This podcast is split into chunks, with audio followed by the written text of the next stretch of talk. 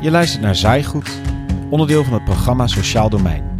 Inspiratie voor en door Rijk en Gemeente.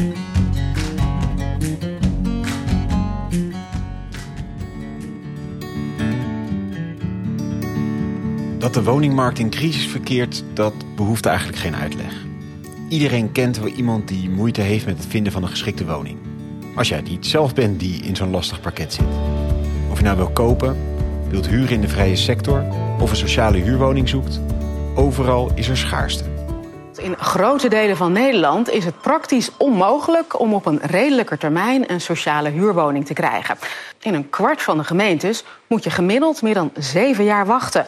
De huizenprijzen gaan door het dak. Prijsstijgingen breken record na record. Voor het eerst kost een bestaande woning gemiddeld meer dan 4 ton. De komende 10 jaar zal het aantal kleine huishoudens boven de 65 jaar toenemen. Ouderen blijven steeds langer in hun huis wonen omdat ze langer vitaal blijven en omdat het financieel aantrekkelijker is. Daar stuurt de overheid ook op aan. En doordat ouderen in een huis blijven wonen, ja, dat huis komt niet vrij voor iemand anders die op zoek is. Het thema staat dan ook hoog op de agenda bij het nieuwe kabinet. In deze aflevering van Zaaigoed kijken we naar wat VVD, D66, CDA en ChristenUnie hebben afgesproken in hun coalitieakkoord. En in hoeverre dit een antwoord biedt op de vragen die op tafel liggen. In deze aflevering kijken we naar de woningmarkt en in het bijzonder naar huisvesting van aandachtsgroepen. Je hoort Bernard Ter Haar. Hij is werkzaam bij ABD Topconsult, een kleine adviesgroep van ervaren topambtenaren binnen de Rijksoverheid. Hij was betrokken bij de totstandkoming van het adviesrapport Een thuis voor iedereen over huisvesting van aandachtsgroepen. En daarnaast hoor je Martin van Rijn. Je kent hem waarschijnlijk als staatssecretaris van VWS en later tijdelijk minister voor Medische Zorg. Momenteel is hij voorzitter van EDES, de Nederlandse koepel van woningcorporaties. Ik vraag Martin van Rijn naar zijn eerste indruk van het coalitieakkoord.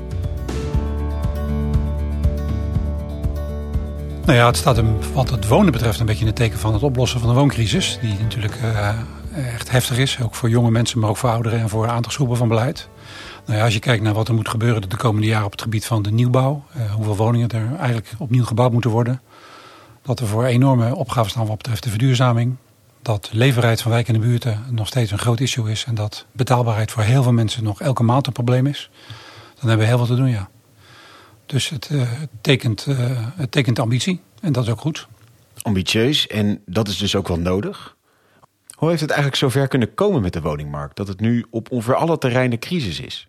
Je hoort naast Martin van Rijn ook Bernard Ter Haar.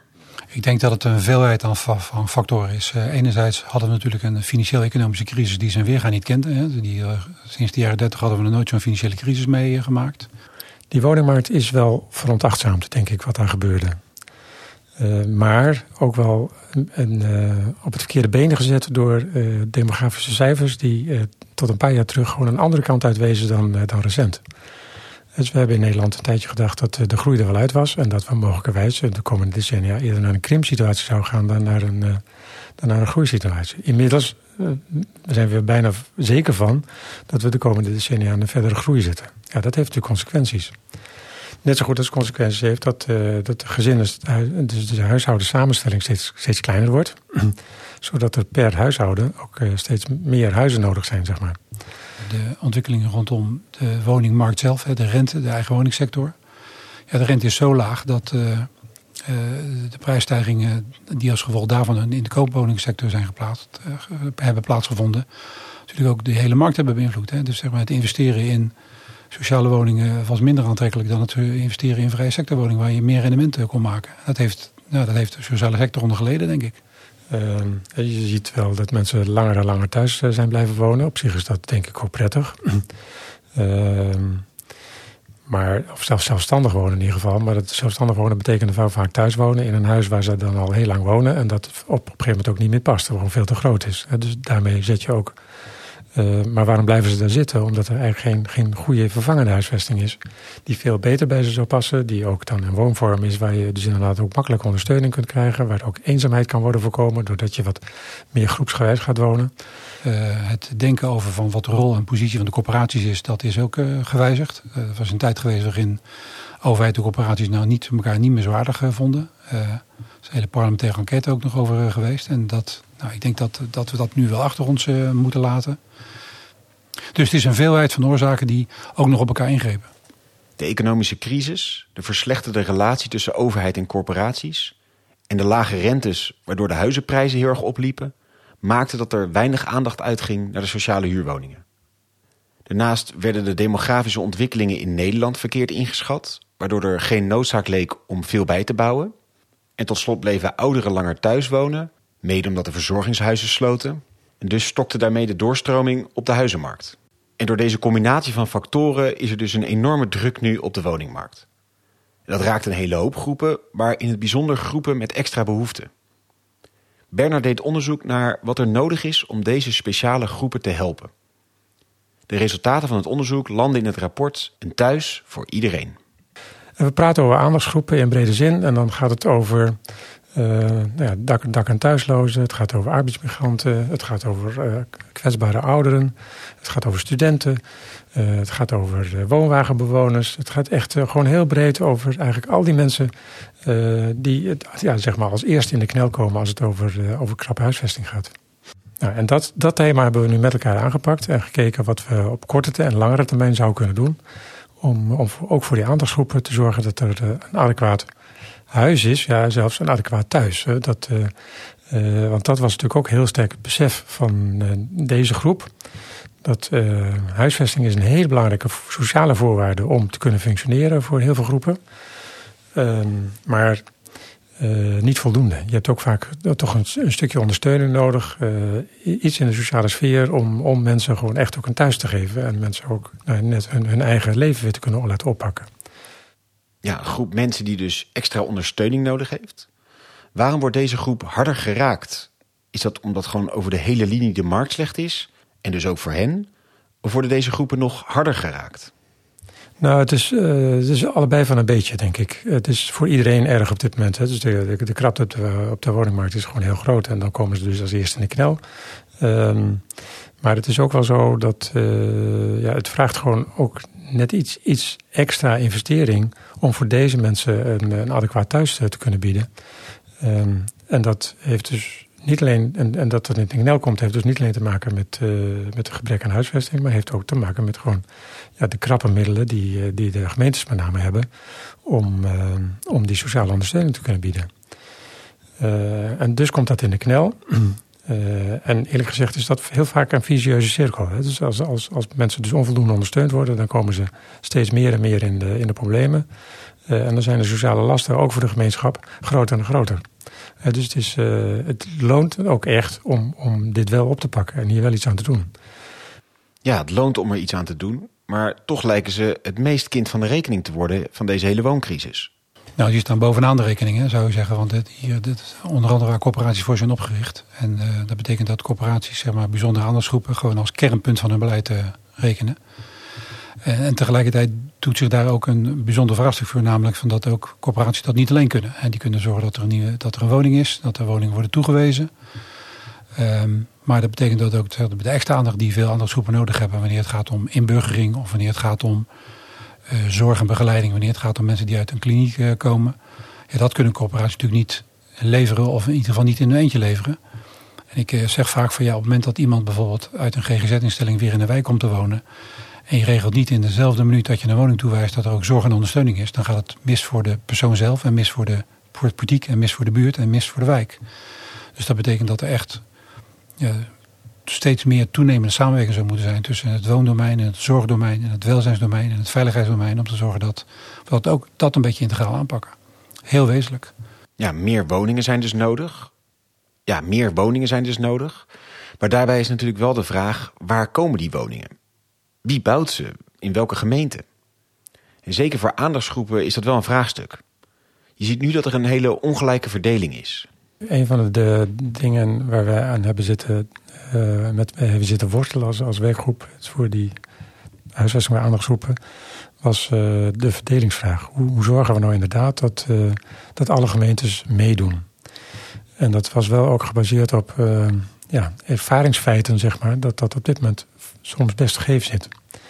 En ook dat heeft weer ook een, een financiële dimensie. Ehm, veel randgemeentes zien op tegen de sociale kosten die ze moeten maken als ze zelf dus aandachtsgroepen gaan huisvesten.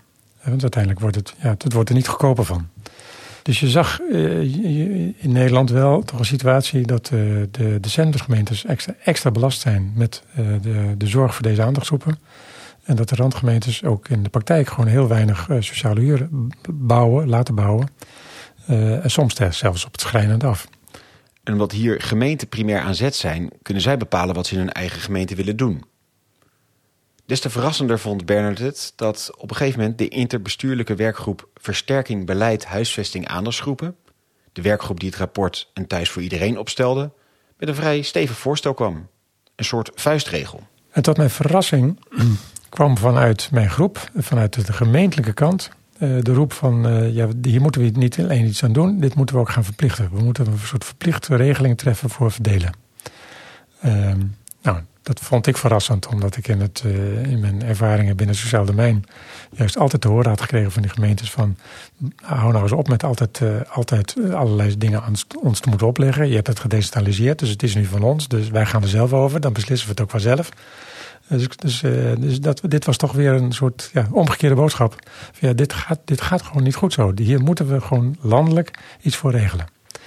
Um, nou, dat heeft uiteindelijk geleid in. We hebben geprobeerd alle ingewikkelde verdeelmodellen te vinden. Dat, uh, dat, dat was te ingewikkeld voor de termijn die we hadden voor dit rapport. Want we wilden in drie maanden klaar zijn. Um, dus toen hebben we gezegd van nou ja, weet je wat in ieder geval al enorm zou helpen.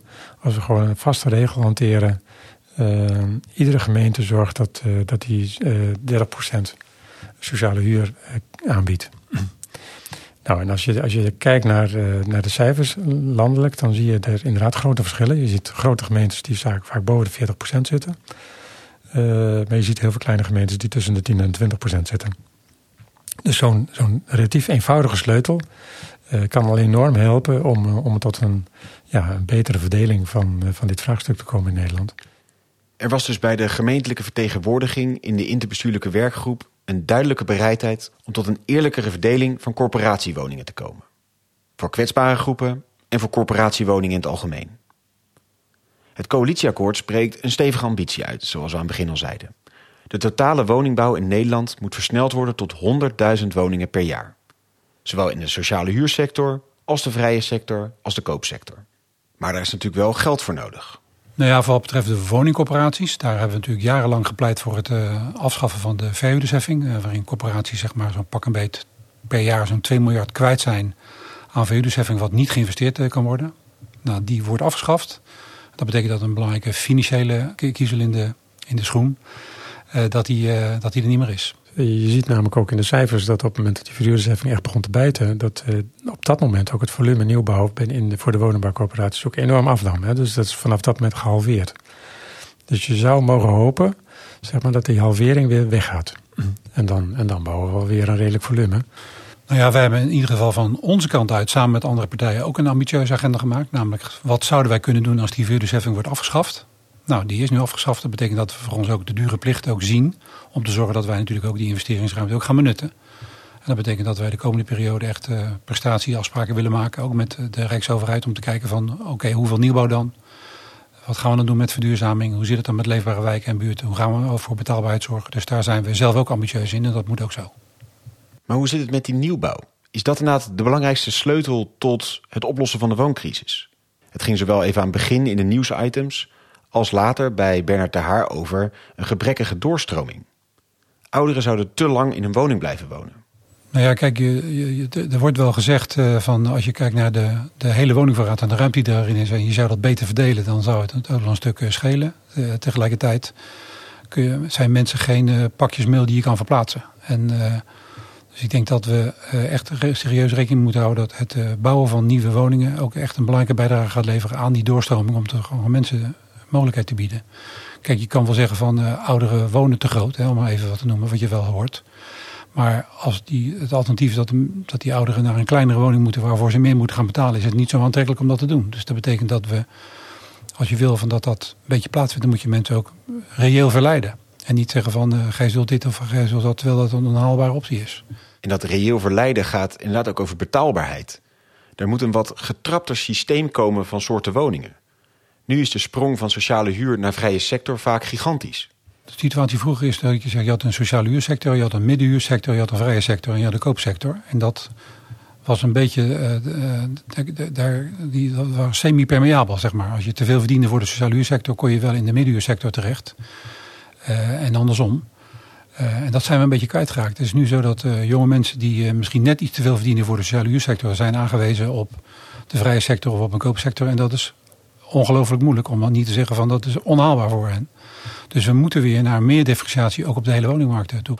corporaties bouwden vroeger ook voor de verpleegkundige en de politieagent en de leraar. Uh, nou, de corporaties, uh, simpel gezegd, mochten dat niet meer en de marktsector pakte het niet op. Dus dat is echt wel een probleem. In het coalitieakkoord is daar ook iets over opgenomen. Er staat dat er een huurprijsbescherming komt voor middeninkomens. Zodanig dat wonen voor middeninkomens betaalbaar wordt en het ook rendabel blijft voor investeerders. En om woningcorporaties te stimuleren tot de bouw van middenhuurwoningen wordt de zogenaamde markttoets afgeschaft. Een positieve ontwikkeling volgens Martin van Rijn. Dat geeft ook weer meer ruimte voor corporaties om ook in die middenhuur actief te kunnen zijn. En ik denk dat dat inderdaad een bijdrage kan leveren. Ja. Maar goed, die woningen moeten wel allemaal nog gebouwd worden. De financiële kant was een knelpunt, maar dat is zeker niet het enige knelpunt. We hebben nog het stikstofdossier, dat kan er wel bijgebouwd worden op veel plekken in Nederland. En we hebben natuurlijk het ruimtelijke vraagstuk nog. Waar, waar moeten we nieuwbouw gaan plegen in Nederland? Uh, want binnenstedelijk past het allemaal niet. Dat is voor corporaties ook, ook vaak te duur. Uh, duurt ook vaak lang. Uh, we zullen ook andere locaties in Nederland moeten vinden om, om, om bij te bouwen. En ja, als je over 100.000 woningen per jaar praat, dan met een gemiddelde bewoning van toch 2,5 of zo, dan praten we dus wel over 250.000 bewoners. Hè. Dus heb je dus al een behoorlijke stad te pakken. en, als, en dat ieder jaar weer opnieuw dus eh, als je, als je nadenkt over de betekenis daarvan, ook voor, voor Nederland, is dat dus best fors. Want dat betekent dus eigenlijk gewoon tien jaar achter elkaar een nieuwe stad erbij. Ja, dat is natuurlijk eigenlijk wel een gigantische opgave. En dat kunnen die corporaties ook niet alleen hebben. Dus daar heb je dus ook echt andere private partijen voor nodig om, om, om fors mee te helpen aan, aan de bouw. De andere kant daarvan is, Nederland is daar goed in. Hè? We hebben natuurlijk in het verleden hebben we ook bouwprogramma's gekend van zo'n 100.000 woningen per jaar. Uh, goed dat we corporaties hebben die zich dat aantrekken. Dat is een belangrijke stevige marktpartij. Is dus, uh, dat wil niet zeggen dat er niet het nodige nog moet gebeuren. En dat er van alles nog te zeggen is over vergunningprocedures en, en die regiepunt en de locatiekeuzes. Maar daar, zie ik, daar zie ik ook wel perspectief. Ik vind ook wel heel belangrijk is dat er ook een aantal gebieden zijn aangewezen waarin je kan zeggen van moet hier niet een soort gezamenlijke gebiedsgerichte oplossing worden gevonden. Waarin je zegt ik kijk niet alleen maar naar het wonen. Maar ik kijk ook naar de infrastructuur die nodig is. Ik kijk ook naar de energietransitie. Ik kijk naar landbouw en natuurvragen die er zijn. En mijn, mijn ideaal zou een beetje zijn dat we als we die gebiedsgerichte benadering gaan hanteren, dat we al die opgaven ook een beetje combineren. En dat we niet zeggen van een soort wedstrijd tussen van hoeveel ruimte heeft wonen nodig versus uh, infrastructuur of uh, landbouw. Maar dat we zeggen van kun je het nou gezamenlijk doen. En ik denk dat het combineren van die maatschappelijke opgaven ook de mogelijkheid biedt om tempo te maken en ook aan de voorkant veel meer ervoor te zorgen dat er samengewerkt gaat worden. Ja, en dan gaat het zowel dus over die ruimtelijke vraagstukken als ook over het leefbaarheidsvraagstuk. Zeker als het gaat over die kwetsbaardere doelgroepen. Nou, een van de elementen van het rapport is ook wel dat je dus niet alleen moet kijken naar, eh, de, naar de, microschaal. Hè. Kan ik voor een persoon een goed thuis uh, organiseren. Uh, maar dat je ook op wijkniveau moet kijken van past dat allemaal nog? past dat in de, in, in, de, in de vitaliteit van de wijk. Want, als we alle aandachtsgroepen, mensen, alle mensen uit aandachtsgroepen bij elkaar zetten, dan krijg je toch heel vaak hele kwetsbare wijken. Marten van Rijn vertelde net al even over de ambitie die de corporaties zelf hadden neergelegd. Dat deden ze een jaar terug, een maand voor de verkiezingen, in de actieagenda Wonen. Deze agenda werd opgesteld samen met onder andere de VNG, Actis, Bouwend Nederland en de Algemene Nederlandse Bond voor Ouderen. In die agenda werd ook een duidelijke vraag neergelegd bij een nieuw kabinet. Er werd gezegd dat er financiële steun moest komen, dat er minder regels en meer ruimte moest komen om in de praktijk goed samen te werken. En als derde werd er een actievere rol gevraagd in de vorm van de minister van Wonen. Die zou regie op het woningbouwprogramma moeten nemen. Je kan natuurlijk landelijk zeggen van er moeten zoveel woningen worden gebouwd, maar waar moeten ze dan worden gebouwd? En welke procedures moeten we dan doorlopen? En hoe snel kan het dan allemaal? Ja, en daar is echt een actieve overheid voor nodig. Zowel van de Rijkskant als van de provinciekant als van de gemeentekant. En aan de kant van de Rijksoverheid wordt dat nu ingevuld door inderdaad een minister van Wonen. de minister voor Volkshuisvesting en Ruimtelijke Ordening. Een functie die sinds begin dit jaar wordt ingekleed door Hugo de Jonge. Hoe zou die regierol er idealiter uitzien? Nou, de Rijk moet wel een rol pakken, uh, maar niet de baas proberen te spelen. Uh, ik mocht uh, vorig jaar ook een, groep, een studiegroep voorzitten. De studiegroep Interbestuurlijke Financiële Verhoudingen. En we hebben een rapport uitgebracht onder de mooie titel Als één overheid. Daarin hebben we juist heel erg geprobeerd om, om mogelijkheden, ja, instrumenten aan te wijzen om het, om het samen te doen. Dus vooral programmagewijs werken. Uh, in teams uh, die, dan, die dan de samenstelling kennen vanuit de verschillende overheidslagen. Die, die samen aan een programma mogen kunnen, kunnen en mogen gaan werken. Um, en we besteden in dat rapport ook vrij veel aandacht aan het, aan het begrip regie. Wat betekent dat nou? En dat betekent dus niet de baas spelen. Maar dat betekent wel dat iemand gewoon zorgt dat er, uh, dat, dat bekend is wie wat, wie wat gaat doen. Hè, zodat we niet op elkaar hoeven te zitten wachten. Niet elkaar, naar elkaar zitten te wijzen van ik dacht toch dat, uh, dat jullie dat zouden doen. Ik, ik kan pas aan de slag als, als jullie het geld leveren. En zo. Dat, dat soort vragen dus, dus allemaal van een oplossing weten voorzien. En ook een stukje voortgangscontrole doet. Zodat, zodat ook de, zekere garantie ingebouwd is. Dat het ook allemaal ook echt allemaal gaat werken. Kijk, ik herinner me nog de tijd dat we vroeger contingenten hadden. Hè, dat de Rijksoverheid bepaalde, er moeten zoveel woningen gebouwd worden en wel hier. Nou, ik denk dat we niet naar die tijd terug moeten. Maar als we met z'n allen ambitieus zijn en dus in tempo ook woningen willen bouwen. Ja, dan moeten we ook duidelijk zijn over waar die dan moeten uh, gebouwd gaan worden. En wat er, hoe we elkaar aanspreken op het moment dat dat in onvoldoende tempo gebeurt. Dus. En de corporaties hebben er ook groot belang bij. Om, omdat zij hun taak op het gebied van de volksvesting eigenlijk alleen maar kunnen uitvoeren. Als ook zeg maar, gemeenten ook hun taak pakken. We, praten over prestatieafspraken die met corporaties gemaakt worden. Maar dat zijn dus wederzijdse prestatieafspraken. En ik denk dat ook corporaties zullen gaan vragen. Dit is ons deel van het pakket. Wat is jullie deel van het pakket? En mogen we het daar even over hebben? En hoe voorkom je nou dat je toch weer verzandt in die bestuurlijke procedures? Of dat er toch een soort territoriumafbakening komt? Er is een gedeeld gevoel van urgentie. Maar volgens Marten van Rijn is het ook belangrijk dat mensen zien dat het kan.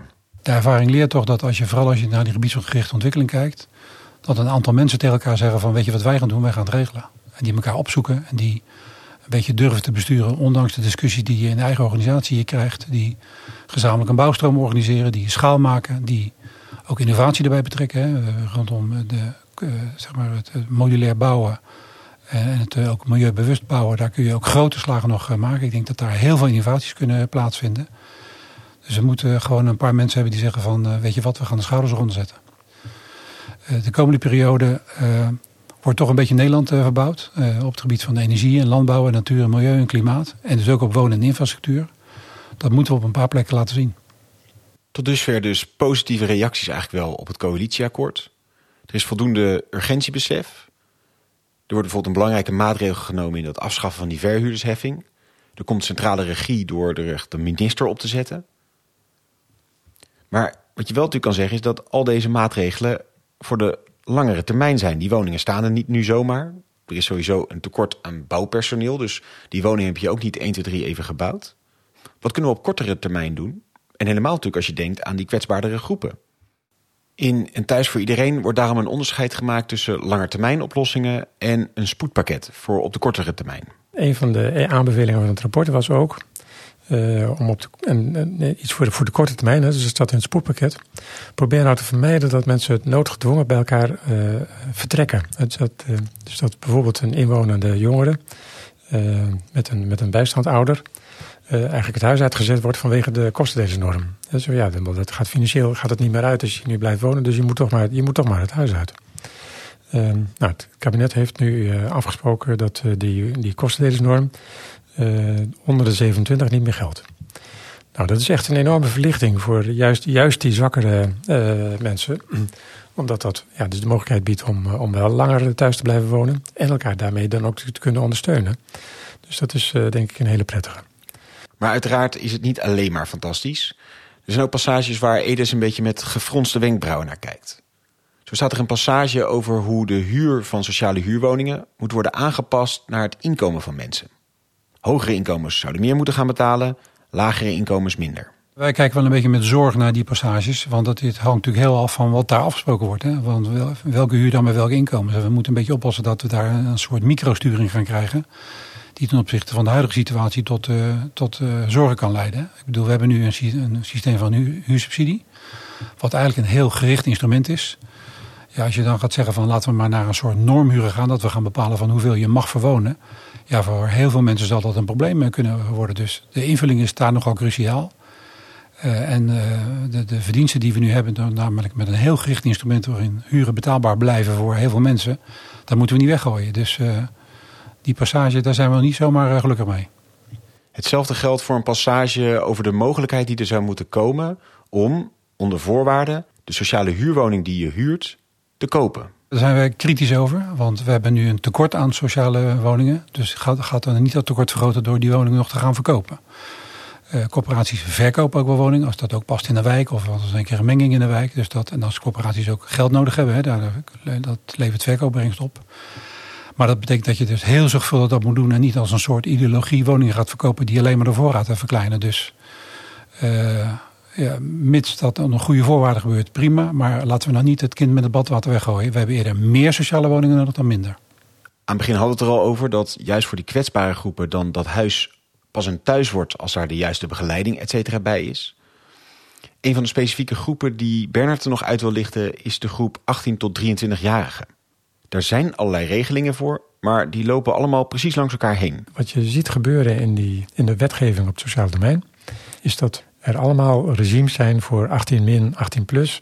Uh, of, of 21 min en 21 plus. Of 23 min en 23 plus. En die regimes sluiten niet op elkaar aan. En dat betekent dat als je zeg maar, de klantreis zou volgen van een kwetsbare jongere van 18... Uh, dat je ziet dat hij eigenlijk gewoon op een gegeven moment tussen wel een schip terechtkomt. Omdat de ene voorziening houdt op. Uh, bijvoorbeeld bijzonder onderwijs houdt echt op op 18. maar daar komt dan geen andere ondersteuning voor in de plaats op dat moment. Jongeren worden geacht vanaf 18 uh, zelfstandig te kunnen zijn. Dus, uh, maar het wettelijk minimumloon is te laag. De, de minimumuitkering, dus bijstandsuitkering voor jongeren, is ook te laag om überhaupt aan een woning te kunnen komen. Ehm, terwijl ze ook niet in aanmerking komen voor een, voor een volle toeslag op de, op de huurtoeslag. Want ja, daar zijn ze nog te jong voor. En zo zie je dat die regels die sluiten echt totaal niet op elkaar aan. En dat vind ik zelf wel echt schrijnend, omdat we dit uh, toch een jaar of vijf geleden al hebben geconstateerd. En, uh, en, dus dan toch vijf jaar later nog moeten constateren dat de situatie niet veel veranderd is. Dus dat is ook een van de oproepen in het rapport. we geven zelfs een, een, een, schema aan waarmee je het zou kunnen doen. maar los dit op.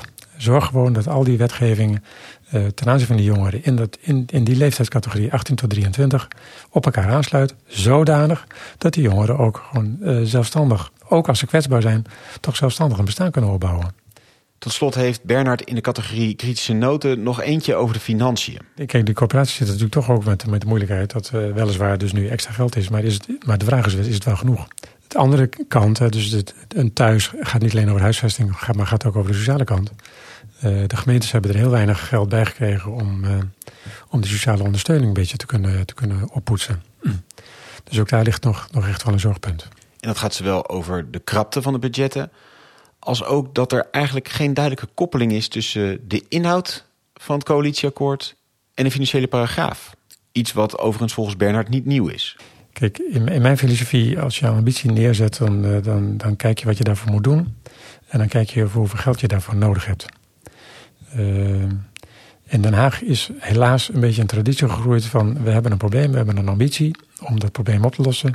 Dan zetten we een zak geld neer zonder de verbinding te maken tussen wat hebben we eigenlijk nodig en wat hebben we beschikbaar. Uh, zodat we eigenlijk geen idee hebben of die, of die corporaties nu financieel uit, uit kunnen met, uh, met, met de opdrachten die ze allemaal hebben gekregen. Uh, dus ik zou, het wel, ik zou het dus heel erg prettig vinden om het andersom te kunnen doen. Te zeggen van kijk, dit willen, dit willen we realiseren. Nou, dan is geld blijkbaar niet het grootste probleem in Nederland op dit moment. Maar als dit onze prioriteiten zijn, dan, dan gaan we nu uitrekenen hoeveel geld we daarvoor nodig hebben. En dat geld stellen we dan ook beschikbaar.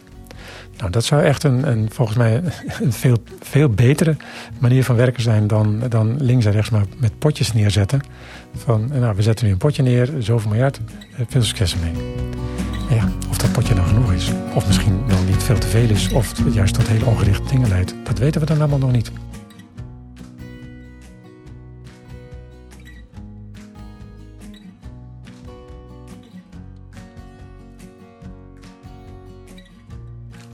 De urgentie van het thema wonen is iedereen wel helder. En het nieuwe kabinet zet dan ook fors in op het bouwen van woningen. Door het afschaffen van de verhuurdersheffing komt er ruimte voor corporaties om te bouwen. Maar de bouwopgave wordt niet makkelijk, gezien de schaarste aan mensen, materialen en middelen. En daar komt ook nog eens die stikstofcrisis en de ruimtelijke opgave bij. Alleen door een gezamenlijke inspanning van de verschillende overheden, corporaties en private partijen kan het, waarbij een aanjagende rol van het Rijk zeer welkom is, maar ze moeten niet de baas spelen. Aandachtsgroepen lijden extra onder de huidige crisis. En zeker omdat de financiële vooruitzichten voor gemeenten op het gebied van jeugdzorg bijvoorbeeld niet goed zijn. Des te belangrijker is het dat er een nauwe samenwerking plaatsvindt tussen corporaties, het sociaal domein en het veiligheidsdomein om iedereen goed te laten landen in zijn of haar wijk. Gelukkig komen er in het coalitieakkoord ook enkele goede ingrepen voor de korte termijn, zoals het afschaffen van de kostendelersnorm. Want voordat al die woningen staan, dat duurt natuurlijk wel even. Tegelijkertijd is het wel de vraag of er voldoende aan die langetermijn gedacht is. Want niet hoeveel geld beschikbaar is, maar de grootte van de inhoudelijke opgave zou leidend moeten zijn.